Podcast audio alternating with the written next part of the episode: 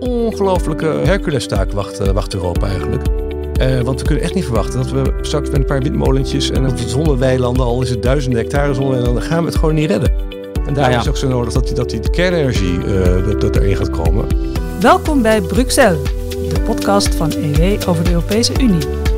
Matthijs van Schie en correspondent René van Rijkenvorsel bespreken actualiteit en achtergronden van de EU-politiek in Brussel. Welkom bij de eerste aflevering van Bruxelles van 2022. René, jij ook hartelijk welkom. Dankjewel Matthijs. De kerstvakantie zit er echt weer op. We zijn weer aan het werk en eh, is in Brussel alles ook weer helemaal op gang gekomen? Ja, dat is opeens uh, razendsnel gegaan inderdaad. Eh, eh, vanaf 10 januari is het daar weer volle, volle vaart vooruit. En dat moet ook wel, want daar staan een heleboel dingen te gebeuren. Eh, en daar gaan wij vandaag over praten. Ja, precies. Want eh, met een nieuw jaar is het natuurlijk een goed moment om een eh, groot thema te behandelen. En een groot thema is het, want we gaan straks praten over welke plagen de Europese Unie teisten. En dat zijn er niet weinig. Maar eh, we gaan natuurlijk eerst beginnen eh, wat kleiner, namelijk met nieuws uit Brussel. Bericht uit de stad. Dat eh, gaan we nu doen.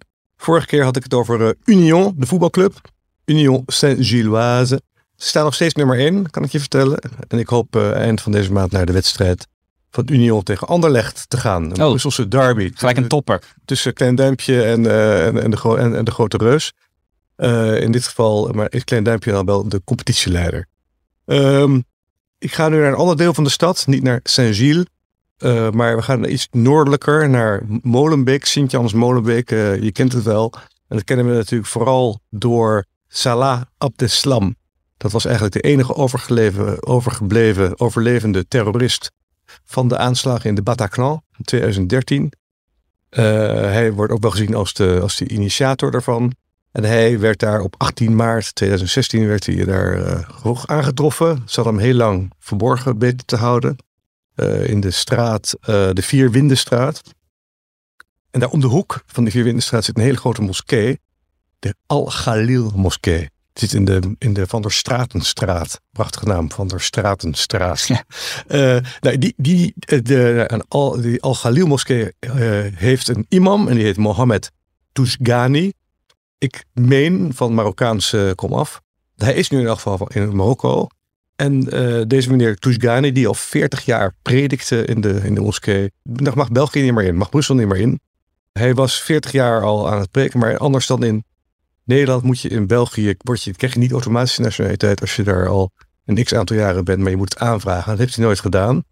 Deze man die ook in die 40 jaar geen Nederlands heeft leren praten, geen Frans heeft leren spreken, die, eh, ja, die heeft nu opeens te horen gekregen dat hij niet meer eh, België in mag. En dat geldt al voor 10 jaar. Nou, ik neem aan dat deze, dat deze man toch wel minimaal 65, 70 is. Dus die zal waarschijnlijk nooit meer terugkeren in eh, Ja. België. Waar verblijft hij dan nu? Dus hij is nu in Marokko. En, het, eh, en het, nou, wat, nou, wat is er dan aan de hand? Hè? Dan vraag je je dan af, waarom is deze man na al die jaren uitgezet? Eh, ja, dat weet ik niet precies. Maar wat ik wel weet is dat dat gedaan is door Sami Medi. Die ik eh, enkele maanden geleden heb geïnterviewd. Een hele interessante, interessante staatssecretaris voor asiel en migratie in, in België. Hij is zelf half Irakees, begin 30. Slimme, slimme gast. Echt ja, bijzondere, bijzondere man. Eh, en die heeft deze Toesgani uitgezet omwille van signalen van ernstig gevaar voor de nationale veiligheid.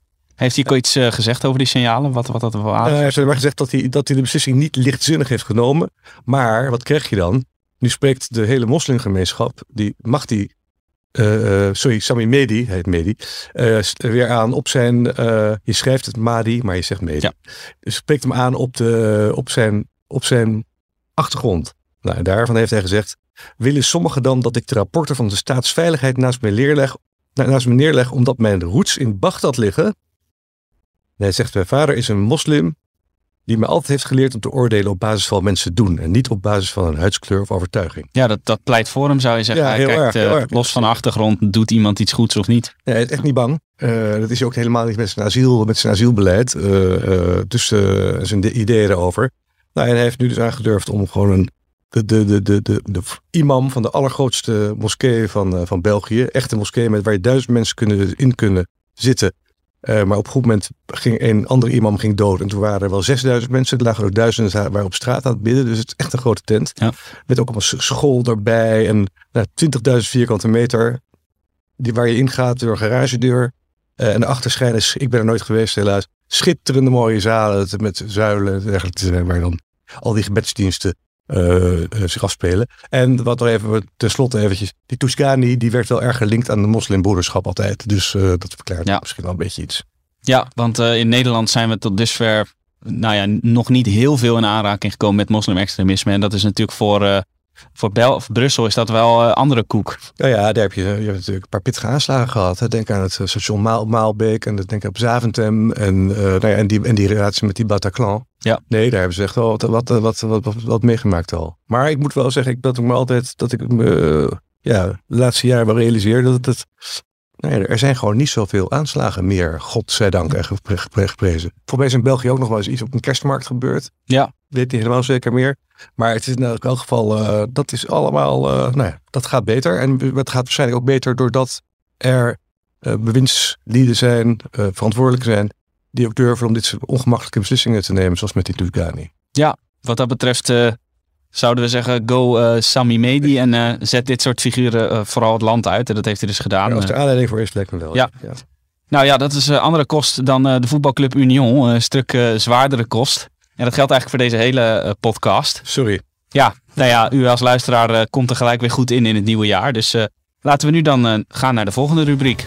De Europeaan om in de gaten te houden. Ja, nee, de Europeaan om de, in de gaten te houden, dat was voorheen vaak een relatieve onbekende voor veel luisteraars. Maar deze week is dat zeker niet het geval. Want wie moeten we ditmaal in de gaten houden? Ja, ik dacht toch dat dat Wopke Hoekstra uh, moest zijn. Uh, want ik houd hem zelf uh, uiteraard ook goed in de gaten. Onze nieuwe minister van Buitenlandse Zaken, voormalig minister van Financiën. Die eigenlijk vooral in Europa, wordt, hem wordt vooral nagedragen dat hij zich in april of eind maart 2020, toen bij wijze van spreken de lijken opgestapeld lagen in de straten van Bergamo, dat hij zich toen zo ja, hardvochtig heeft, heeft opgesteld uh, toen het aankwam op het steunen, financieel steunen van, uh, van Italië en andere getroffen zuidelijke landen. En uh, daar heeft hij ook wel, daar heeft hij ook wel spijt voor getoond eigenlijk. Hij heeft ook daarvoor gezegd van ik heb te weinig empathie getoond, heeft hij later ook gezegd. Maar het wordt dan nog heel erg nagedragen. Ook als je in de Belgische Politico nieuwsbrief zet, dan word je meteen in het eerste bijzinnetje wat over Hoekstra gaat, als, hij, als dan wordt beschreven dat hij buitenlandse zakenminister wordt, dan staat dat er meteen weer bij. Dus hij begint eigenlijk al met een 1, a 2, misschien wel 3-0 achterstand. Hij begint met een, met een, eh, met een flinke achterstand. Ja. Terwijl wij hem juist als EW eh, hebben geprezen om zijn houding. Ja, nou ja, goed. Wij stonden misschien iets meer in, deze, in, zijn lijn dan, uh, dan, uh, ja, dan anderen. En zeker dan, dan veel Europese aanhangers van het Europees project. En mensen die graag een, een schuldenunie willen of ja, ja. een transferunie willen. Dat, wat natuurlijk wel zo is, dat dat Bobke Hoekstra nu minister van Buitenlandse Zaken is geworden in een, in een, uh, een kabinet dat uh, echt wel zegt een andere koers te willen gaan varen in, uh, in Brussel dan, dan de afgelopen kabinetten Rutte. Kijk, je weet nog dat Rutte op een gegeven moment in, in, juli 2020 met een biografie van Chopin onder de arm pontificaal naar Brussel toog om ook een beetje te laten zien van ja, ik ga wel rustig een boekje zitten lezen hier, mijn boek zitten lezen hier als ze hier aan het ouwe hoeren zijn, want ik heb er geen zin in. Dus die was heel erg Beetje nonchalant. Beetje, beetje, houding, beetje een houding van ik heb er liever niks mee te maken met het hele gedoe. En dat is nu, dat kan nu eigenlijk niet meer. Dat is uh, gezien het regeerakkoord en gezien ook het stempel D66 daarop heeft gedrukt. Dus dat is ook wel opvallend dat, uh, dat uh, Hoekstra de eerste en eerste werkdag, al uh, de dag na de, na de Bordes-scène vorige week, dat hij al op, op reis ging naar Brussel om daar een ontmoeting te hebben met Jozef, Jozef Borrell, de, de buitenland, hoge buitenlandwoordvoerder. En daarna ook eventjes met uh, Sophie Willemes, dat is de minister van Buitenlandse Zaken van België. Logisch. Maar in elk geval, dat geeft wel aan dat hij dat, hij, eh, dat ook heel belangrijk vindt. Moet wel bijgezegd worden dat hij, voordat hij naar Borrell ging, uh, dat hij daar toen even had gebeld met Blinken, de hm. Amerikaanse minister van Buitenlandse Zaken. Maar uh, ja, hij moet wel wat genadebrood nog eten, denk ik, voordat hij helemaal uh, serieus uh, genomen gaat worden. Ja. ja.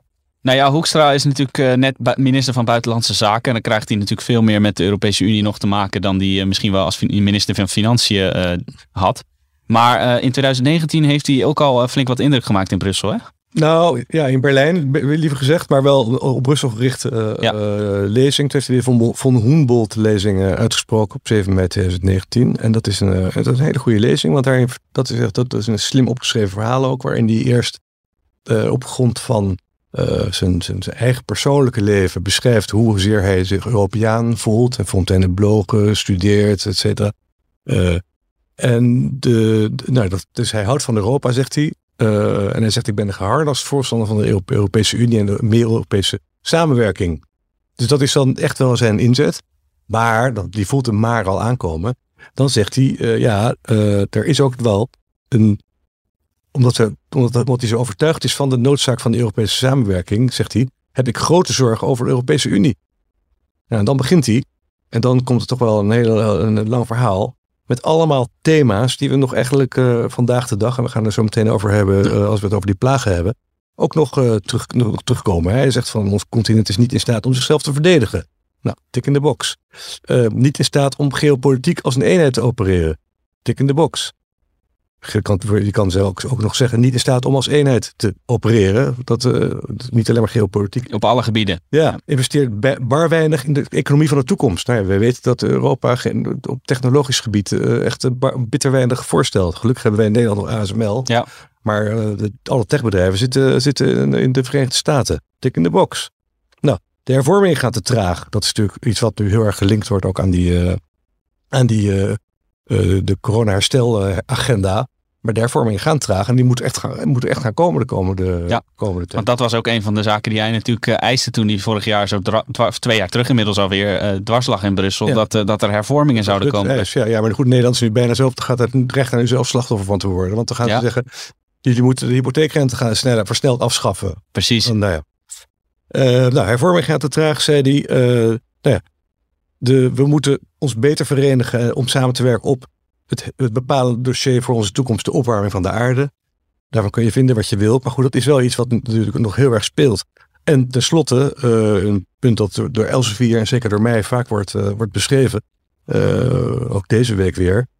Ons con- continent heeft open binnengrenzen niet weten te koppelen aan de effectieve bescherming van de buitengrenzen van de Unie. Ja. Met grote migratieproblemen als gevolg. Nou, dat zijn allemaal dingen die gewoon- zijn nu bijna drie jaar later nog steeds eh, spelen. Bruxelles, de hoofdmoot. Nee, wat je zegt, eh, de kwesties die Hoekstra eh, in 2019 al aan de orde stelde, die sluiten naadloos aan bij jouw eh, grote thema van vandaag. Namelijk eh, de zeven plagen voor de Europese Unie. Uit het Bijbelboek Exodus kennen we de tien plagen die Egypte teisterden. Voor de EU zijn het er dus iets minder. Maar eh, het zijn geen kleine plagen hè, waar, waar het Brussel tegenaan kijkt. Ja, eerst eventjes nog over die zeven plagen. We hebben zeven van Elsevier van de eerste feiten. Maar het zat bij mij als een feit in mijn hoofd dat het zeven plagen van Egypte waren. Eh, maar ik had ook tien punten kunnen, kunnen vinden. Ja. Jij vertelde net vlak voor, deze, vlak, vlak voordat we dit, dit gingen opnemen dat het er tien zijn in plaats van zeven. Toen dacht ik, oh ja. Ja, de Bijbel is alles zeven, zei jij nog terecht. Behalve zeven. dus ik de heb er niet over nagedacht. Dus hier had ik e- eerst de feiten even niet op orde. Maar in elk geval, ik heb er zeven. Eh, maar ik had net zo makkelijk tien eh, kunnen vinden. Maar je moet je... eh, ik ik, ik probeer me wel eens voor te stellen dat je Ursula van der Leyen bent. Weet je, eh, wat voor dossiers er allemaal op je, op je bureau liggen. Dat is toch ongelooflijk. Wat je al, al die onzekerheden, allemaal die in elkaar grijpen. eh, al die ambities. Maar aan de andere kant ook alle, ja, alle dingen die gewoon al die events die op je afkomen en die maar voortduren en voortduren. Het is de hele dat je moet echt gewoon zo ongelooflijk goed kunnen schakelen Ja. op een heleboel verschillende borden. Landen hebben allemaal hun eigen belangen natuurlijk. Ook dat nog. Het is een ongelooflijk. Het maakt het ook wel fascinerend om in Brussel te zitten hoor. Maar het is ongelooflijk ingewikkeld, complex. En ja, het is heel moeilijk om daar nog overzicht in te houden. Misschien moet je dat ook helemaal niet willen als bestuurder. Maar moet je gewoon je heel erg concentreren op één of twee van je zaken. Wat ik zelf als correspondent daar ook een beetje doe. Ik probeer ook niet Ja. alles te volgen. Want dat is echt gewoon te doen. ondoenlijk. Maar, eh, nou ja, maar er zijn dus een heleboel zaken die, eh, nou ja, die, die, die, die, die voor Europa, voor de Europese Unie, nu gaande zijn. En waarvan de afloop ongewis is. En, eh, ja, en die ook wel gewoon, ja, als een zwaard van Damocles is, over, is een beetje overtrokken. Maar die toch wel als een soort dreigende donderwolk boven Ja. die Europese Unie hangen. Nou, laten we ze gewoon even- één voor één aflopen. Dat is misschien het, eh, het makkelijkst. Eh, om te beginnen een heel actueel thema waar we allemaal mee te maken hebben. Inflatie. Ja, ze grijpen ook wel een beetje in elkaar, zal, zal je ook merken als ik zo een beetje ga, als ik ga vertellen. Maar inflatie is natuurlijk een, een jarenlang was inflatie een woord wat je niet, wat, wat je niet hoorde. Er was nauwelijks inflatie, of het was heel erg goed te, te beheersen. En opeens werd de, werden we afgelopen december geconfronteerd met het feit dat er ten opzichte van december 2020 waren de prijzen uh, in de Europese, in de eurozone, waren met 5% gestegen. Uh, dat is echt veel. Dat is niet niks. Want de, de meeste lonen gaan echt niet, echt niet 5, uh, 5% op, op vooruit. Tenzij je in België woont, daar hebben ze een zogenaamde spielindex. Daar ga ik nog een stukje over schrijven. Dat is dat als, dat als de inflatie een tijdje twee, drie maanden doorgaat, dan moeten automatisch de uitkeringen en ambtenaren uh, salarissen worden verhoogd. Hm. Met dat, uh, dat is een ideale regeling om je schatkisten Maar voor ambtenaren dus. plunderen. Ambt, ambt, uiteraard ambtenaren. Maar goed, die uh, 5% inflatie, dat is, dat, is, dat is echt dat is niet gering. Daar kan, daar kan geen werkgever kan dat, uh, kan daar tegenop, zou ik zeggen, met loonsverhogingen. Uh, en het is wel, het gevoel heb ik heel erg, en dat, en dat hoor je ook wel, en dat zie je ook wel, dat een beetje met die inflatie, we ain't seen nothing yet. Het was eerst, ja, dat komt doordat er zo ongelooflijk veel vraag naar artikelen is gekomen in de post-corona-periode. Uh, want we hadden kennelijk niks kunnen kopen uh, in de corona-periode. Nou, dat viel, Nou. bij, viel volgens mij ook reuze mee. Het aantal pakjes Maar, is, ja, eh, wordt besteld is nog nooit zo hoog geweest. Maar goed, dat zou dan allemaal, dat zou, dat zou van tijdelijke aard zijn. Maar ja, niks zo eeuwig als het tijdelijke, geloof ik. Dat, het is, het, dat gaat gewoon waarschijnlijk door. Nou, de Europese Centrale Bank die kan die inflatie, dat is ook de doelstelling van de, van de, de doel van de Europese Bank. Daarvoor is ze in het leven geroepen. Die, om die inflatie eh, op zo'n 2% te houden. Dat is een gezond voor, voor een economie, een inflatie van 2%. Eh 5% wordt al, wordt al vervelend, maar als je naar Turkse toestanden gaat, waar, waar, waar, waar met tientallen procent per jaar gaat, dan, dan, dan ben je echt in de aap gelogeerd. Nou, zover zijn we in Europa gelukkig nog niet. Maar die eh, inflatie die kan zeker gaan oplopen. Mevrouw Lagarde zegt, eh, ja, ik wil de rente niet verhogen, eh, want Europa is rente, verslaafd aan lage rente eigenlijk. Kijk naar de Nederlandse huizenmarkt. Ja. Eh, kijk naar überhaupt het geldlenerij van de, van de, van de Nederlandse eh, coalitie. Hè, die denken dat ge- geld gratis is. Want Kan niet het is, op. Het is gewoon het is 0% rente op zijn geld toe. Dus je bent gek als je niet leent. Nou goed, als die rente omhoog gaat, dan krijgen eh, particulieren krijgen problemen en landen krijgen problemen. Ja. Dat, en dus daarom durft Lagarde het niet. Wat ze ook nog kunnen doen, is die quantitative easing voor, voor, voor ja, een beetje inbinden. Dat Leg je- even uit wat dat eh ja, ja, precies is op, is. opkomen van, opkoop van obligaties van landen eigenlijk. En dat, je, dus dat, dat ze dat niet meer doen. Ja. En, eh, want dan komt er minder geld in de markt. En als er minder geld in de markt is, dan is er ook minder geld om uit te geven. Dus dan, gaat, dan temper je de inflatie. Maar goed, het zijn twee dingen die voorlopig nog niet gebeuren. Maar er is wel een, een onderdirecteur van de, van, ook een vrouw van de, van de ECB, die eigenlijk al eh, wel, wel, die wel eigenlijk Lagarde tegenspreekt. En die zegt, we moeten het wel doen.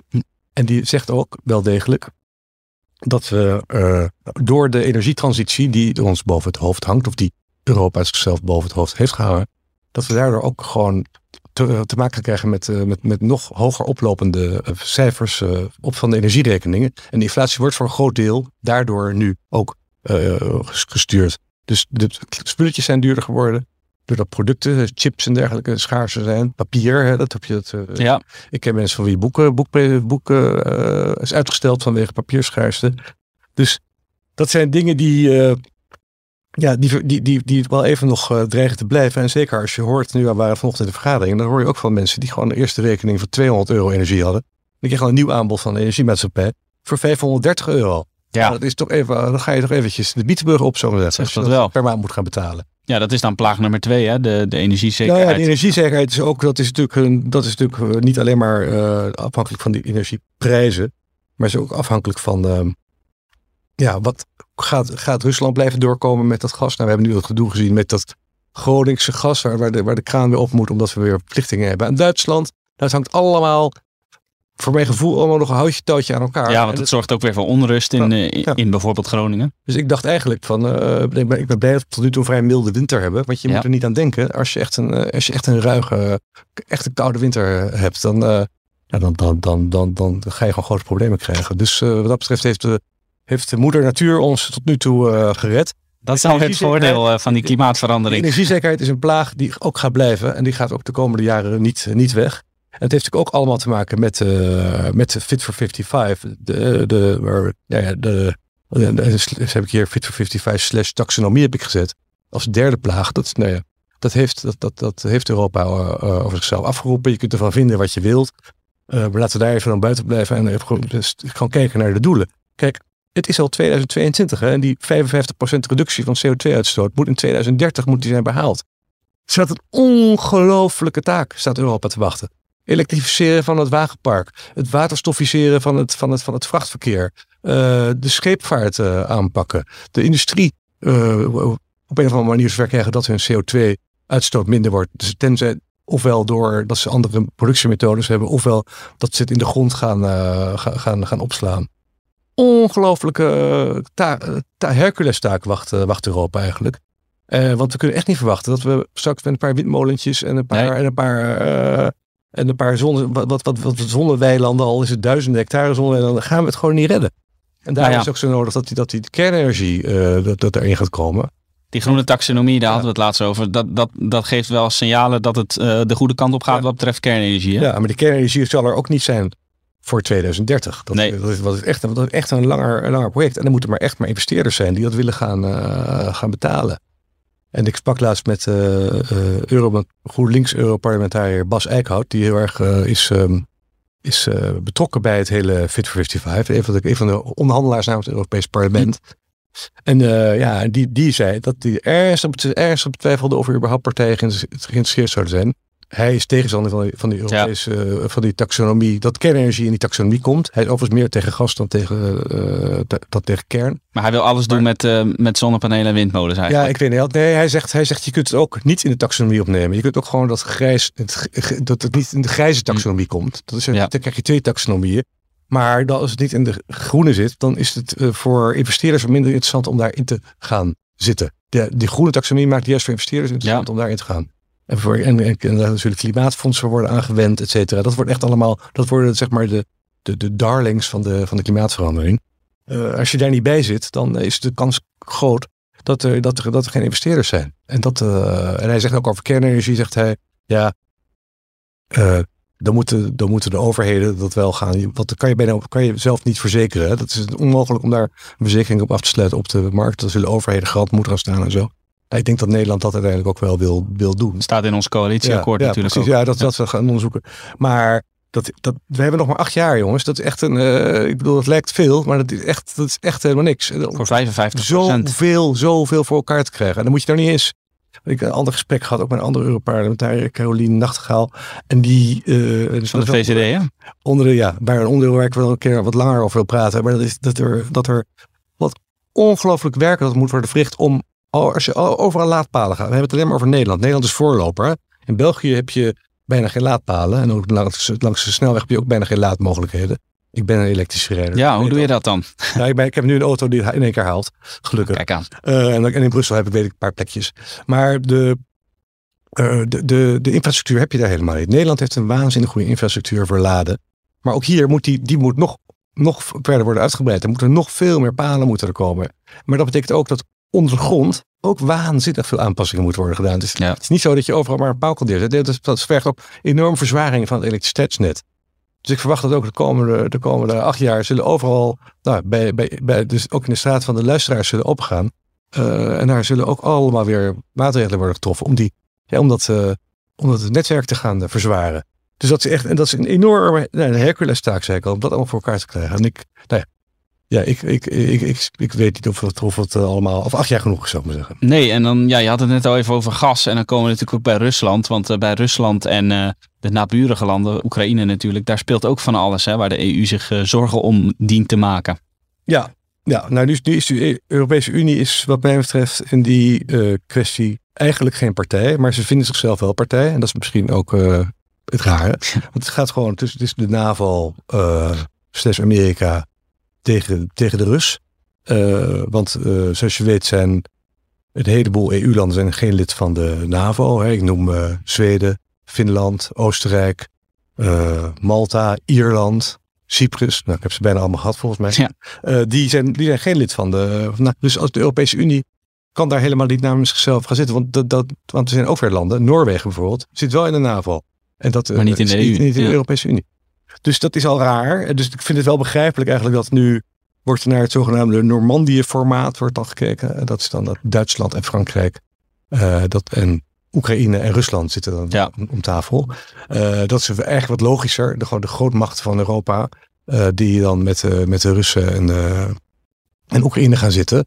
Eh, maar, ik, ik, eh, maar Europa het vindt, ja, die vindt toch wel dat ze er iets, iets van moet vinden. En dan af en toe wordt die Borrell weer weer even gebeld. Of die, eh, die, dat, maar e- eigenlijk is zij, zij helemaal geen partij. Terwijl ze wel denken dat ze partij zijn. Dat is ook zo. Is dat typerend voor het buitenland beleid van de EU? Ja, dat is dat een goede vraag. Daar, welk buitenlandbeleid kun je ook bijna zeggen? Ja, Ja. het is een. eh, ja, maar het ook goed. Nogmaals, het lijkt me ook. Ik zei al dat het moeilijk is om in de schoenen van eh, mevrouw eh, von der Leyen te staan. Lijkt me ook best moeilijk in de schoenen van die Borrell te staan. Ja, het is gewoon echt allemaal ja, op eieren lopen, lastig. Je, en je moet toch een beetje. Kijk, we hebben, Europa heeft wel natuurlijk de. De, de, de, de, handel, de, de handelsknop hebben wij, heeft Europa natuurlijk. We kunnen wel die Russen gaan zeggen, ja, hallo, eh, we, we, bedrijven geen handel meer met jullie of zo. Dat gaat niet snel gebeuren, denk ik. Nee. Want er gaat, al een heleboel landen zijn dat vervelend En dan vinden. gaat de gaskraan weer dicht. is dan de kans weer dat de gaskraan weer dicht eh, eh, gaat. Dus zo vloeit alles lekker in elkaar. Ja, dat was plaag nummer vier. Vier, vijf volgens mij zelf. Ja, Dit ja, was vier. vier? Oh, vier. Oké, Ja. vier, ja. Dat is echt, de laatste drie zijn allemaal ja, plagen die we van vorig jaar hebben meegenomen. Eh, veiligheid eigenlijk ook een beetje als je Afghanistan kun je er nog bij leggen. Maar de, de, de, de, de plagen eh, die we nog hebben, dat zijn nou als allereerst dan die, inter- heb ik dan de interne troubles genoemd. Dat is toch dat eindeloze gedoe met eh, Polen en Hongarije. Nou, je weet het over de rechtsstaat. Hè? Polen, de, of de, de Polen die, dat, die zo'n ja, zo'n raad hebben benoemd, die weer, die, die weer politiek benoemd is, die weer gaat over de benoeming van rechters. En zij erkennen niet het, eh, het, eh, het, het Hof in Luxemburg als het hoogste gezag, maar hun eigen Hof. Nee, dat, dat, dat, dat, dat gedoe is nog niet voorbij. Hè? Dat eh, gaat echt, echt absoluut weer terugkomen. Eh nou, Hongarije eh, heeft natuurlijk met zijn eh, nogal, eh, nogal homofobe, anti-LGBTQ eh, gedoe. Hebben ze natuurlijk ook eh, vorig jaar zich niet erg populair gemaakt. Sowieso is die Orbán natuurlijk niet populair in, Nee. eh, eh, in Europa. Nou, de Tsjechen had je dan nog, die ook wat lastig waren met die Babi's. Maar die, is, die, die premier is vervangen nu en er is een, een nieuwe. En die is wat gematigder. Dat, dat, dus dat die Visegrad is al iets minder een blok van, van, van opstandigheid in, in Oost-Europa. Dan krijg je ook nog verkiezingen in Hongarije. Ja, dat is, dat, die zijn heel interessant. Dat is echt op 3 april al. De, sommige van mijn uh, zegslieden eh, vinden dit een, nog een, een, een interessantere eh, verkiezing dan, dan die in Frankrijk. Ja. Waar men toch wel verwacht dat, dat Macron, over wie we het afgelopen keer uitgebreid hebben gehad, dat die zal worden herkozen. Dat denk ik ook nog steeds. Tenzij die mevrouw Pécresse, over wie we het ook hebben gehad, eh, alsnog eh, eh, de, de, in staat is om de, de tweede ronde te halen. Ja, het is nog drie maanden, dus Ja, er kan nog Ja, veel kan, gebeuren. Ja. En dus die, maar die Hongaren die op 3 april, daar zijn zes oppositiepartijen. Gesteund door geloof ik weer twee andere. Dat is Jobbik, dat is een extreem rechtspartij zit erin. Maar ook de Sociaaldemocraten en de Liberalen. Dus het is een enorme waaier die eigenlijk maar één belang hebben. Uh, Orbán wegkrijgen. Dus ze hebben zich Ja. verenigd om Orbán weg te krijgen. En ze, maar goed, dit is een club die ja, eigenlijk uh, de, hun eenheid wordt alleen maar door Orbán uh, gecreëerd. Als Orbán straks weg vraag me af wat ze ervan gaan bakken. Ja. Maar goed, die kans is wel aanwezig, want ze hebben ook wel een redelijke goede, uh, redelijke, ja, een attractieve leider. Een veertiger, Peter Marki Zai heet hij. Uh, hij wordt liefkozend daar in, uh, in, uh, in, op zijn Frans, wordt hij in Hongarije MZP genoemd. En die is, ja, dat is, een, dat is een marketingdeskundige, spreekt heel goed Engels, zakenman, christenconservatief en pro-Europees en transatlanticus. Dus ja. het lijkt allemaal een beetje, misschien een beetje met elkaar, dingen die elkaar tegenspreken. Maar uh, nee, net zoals die partij zichzelf ook tegenspreekt. Zo hij is eigenlijk van alles wat. van alles wat. Iedereen ja. spreekt die aan, maar, maar, ook weer niet. Maar, uh, maar, dat is, maar hij is partijloos, is het grappige. En hij is nu burgemeester, dat is even nog even, even een oefeningetje voor mij, van Hotmezo Vazarheli. Ja, ik spreek geen Hongaars, maar het klinkt goed. Klinkt goed, hè? Ja. Uh, nou, en, dat, uh, dat, en die maakt toch wel een kans. En als dat zo is, dan... Uh, kijk, als Hongarije een andere regering krijgt... onder leiding van deze Markiza... dan is de positie van Polen ook automatisch minder sterk. Want die dekken elkaar altijd, die landen. Ja. De, de, en dat, dat, dat zou dus maar. Goed, dat moeten we allemaal maar afwachten. Ik zeg niet dat daarmee alles opgelost is meteen. Maar dat uh, is, wordt, wordt wel interessant. En ik denk dat ze in Brussel bidden ze, hopen ze natuurlijk allemaal dat uh, Orbán wordt weggestemd. Daar, ja, dus dan is die plaag, die, dat kan eigenlijk de eerste plaag zijn die straks verdwenen dat is. is precies wat ik, uh, ja, of deels verdwenen, want die Polen die blijven natuurlijk lastig. Ja. Maar ja, ja, ja, ja. Nou ja, en deze twee landen waar we het over hebben gehad, Polen en Hongarije, dat was dus plaag nummer 5. En die hebben ook wel een hoop te maken met plaag nummer 6, uh, immigratie. Want daar zijn zij natuurlijk niet zo happig op. In wat voor opzicht is die immigratie nou nog steeds een plaag? Ja, daar schrijf, schrijf ik gewoon veel te veel over eigenlijk. En daar moet ik over ophouden. Want dat is wel belangrijk. Daar word je een beetje depressief van. Want ja, het gaat gewoon om dat er, dat er, dat er gewoon nee, in Nederland bijvoorbeeld komen er per maand 3 tot 5000 uh, wordt, wordt, asielverzoeken worden ingediend.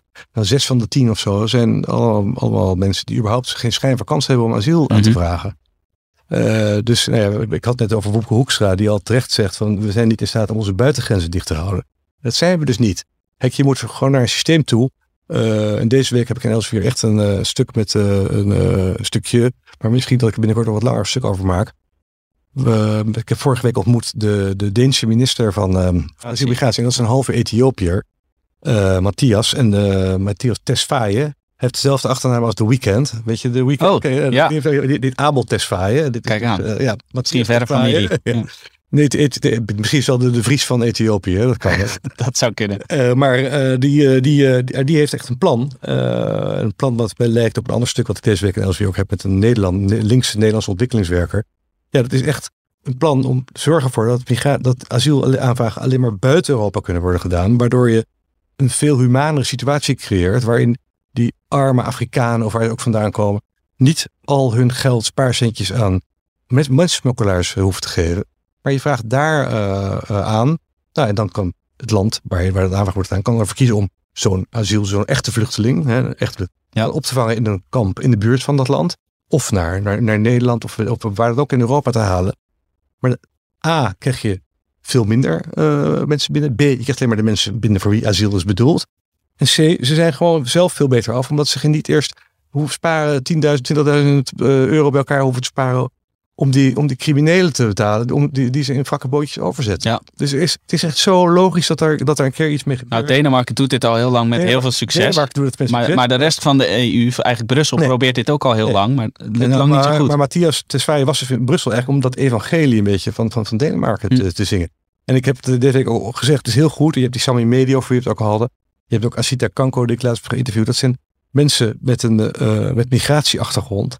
Eh, de een is geboren in Afrika, de ander, de, de eentje heeft een Iraakse vader, nou, die heeft een Ethiopische vader. Dat zijn mensen die, ja, die gewoon echt een hele goede boodschap hebben. En die niet meteen kunnen worden weggezet als eh extreem Ja. rechtse idioot, weet je. Dat is, Ze kunnen ook geen racist genoemd worden. Nee, precies. Dat is, dat is echt heel goed dat deze mensen opstaan.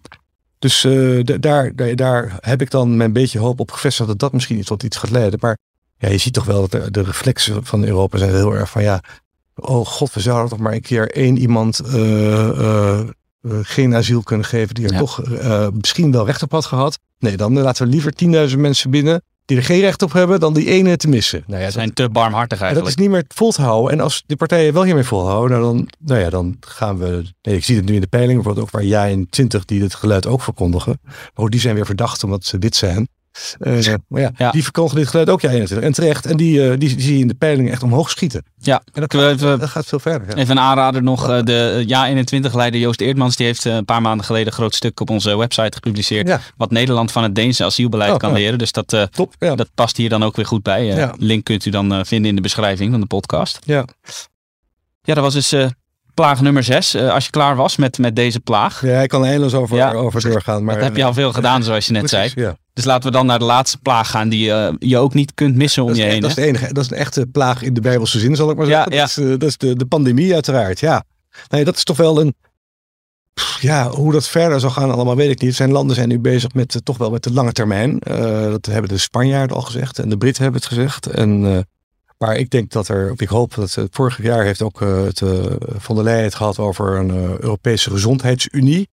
Dat nam ze in haar mond. Eh, ik weet niet of dat heel onverstandig is gezien de, in, in, in deze, in deze pandemie. Mhm.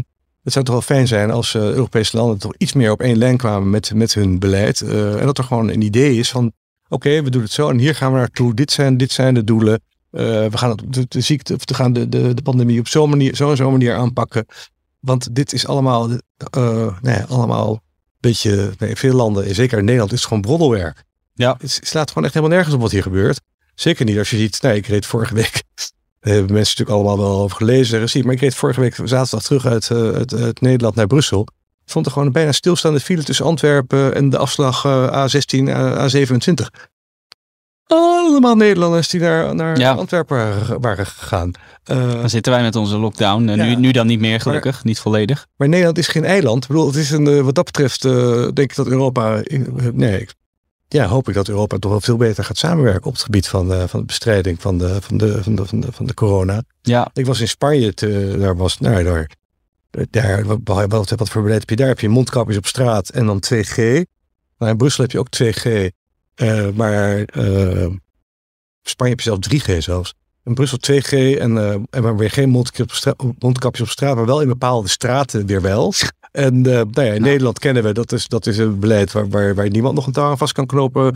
Als je wel naar de IKEA mag en niet naar, en niet naar het museum.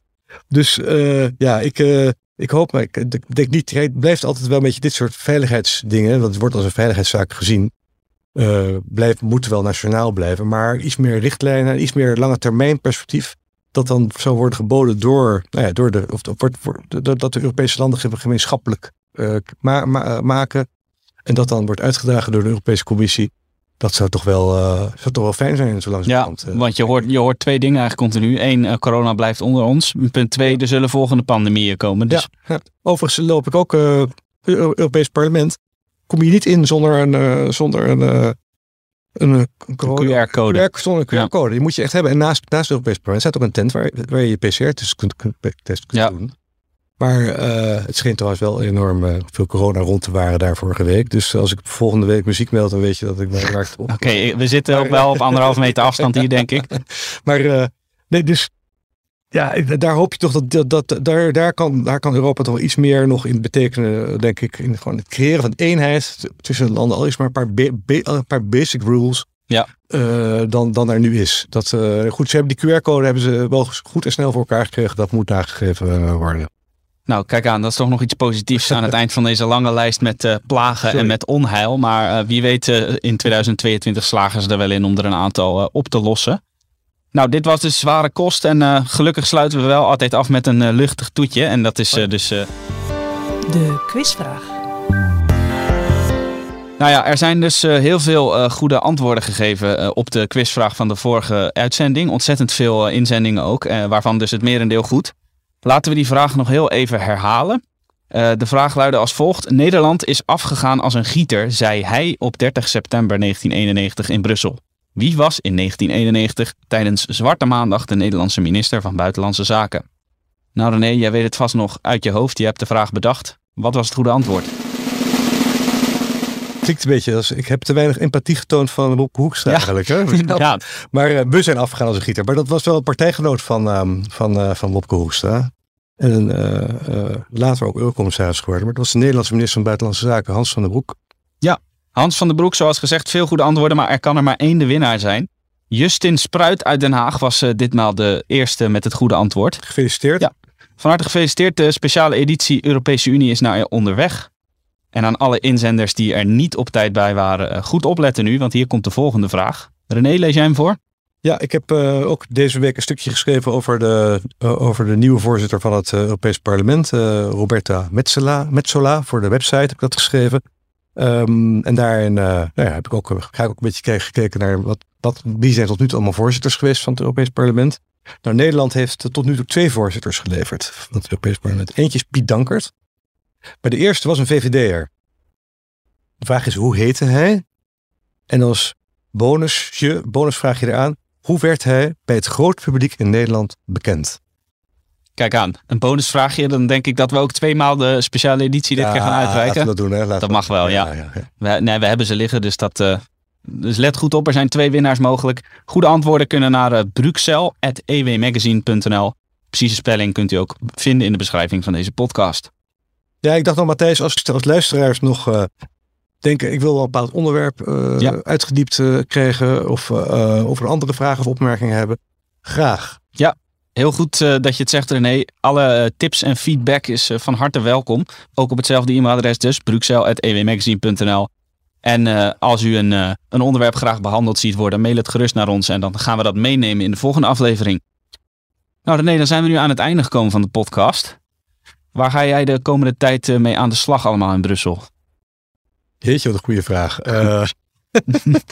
Of weet je dat uh, nog niet? Elke dag is nou, een verrassing. Ik weet, wel een beetje, maar uh, ik heb... Ehm, ik moet, ik, eigenlijk heb ik een beetje, ik heb gewoon eerste half jaar heb ik heel veel geschreven, heel erg achter, de, achter het nieuws aangelopen. Het, het was ook heel veel nieuws. Ik mhm. hoop nu even wat tijd te hebben voor wat achtergrond en het lezen en het, gewoon even iets meer rust te vinden en voor iets meer achtergrondstukken te maken die net iets achter of voor het nieuws zitten. In plaats van dat ze met het nieuws meegaan.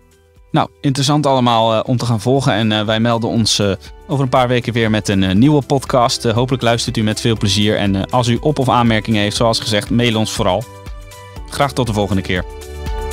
Hartelijk dank voor het luisteren naar Bruxelles, de podcast van EW over de Europese Unie.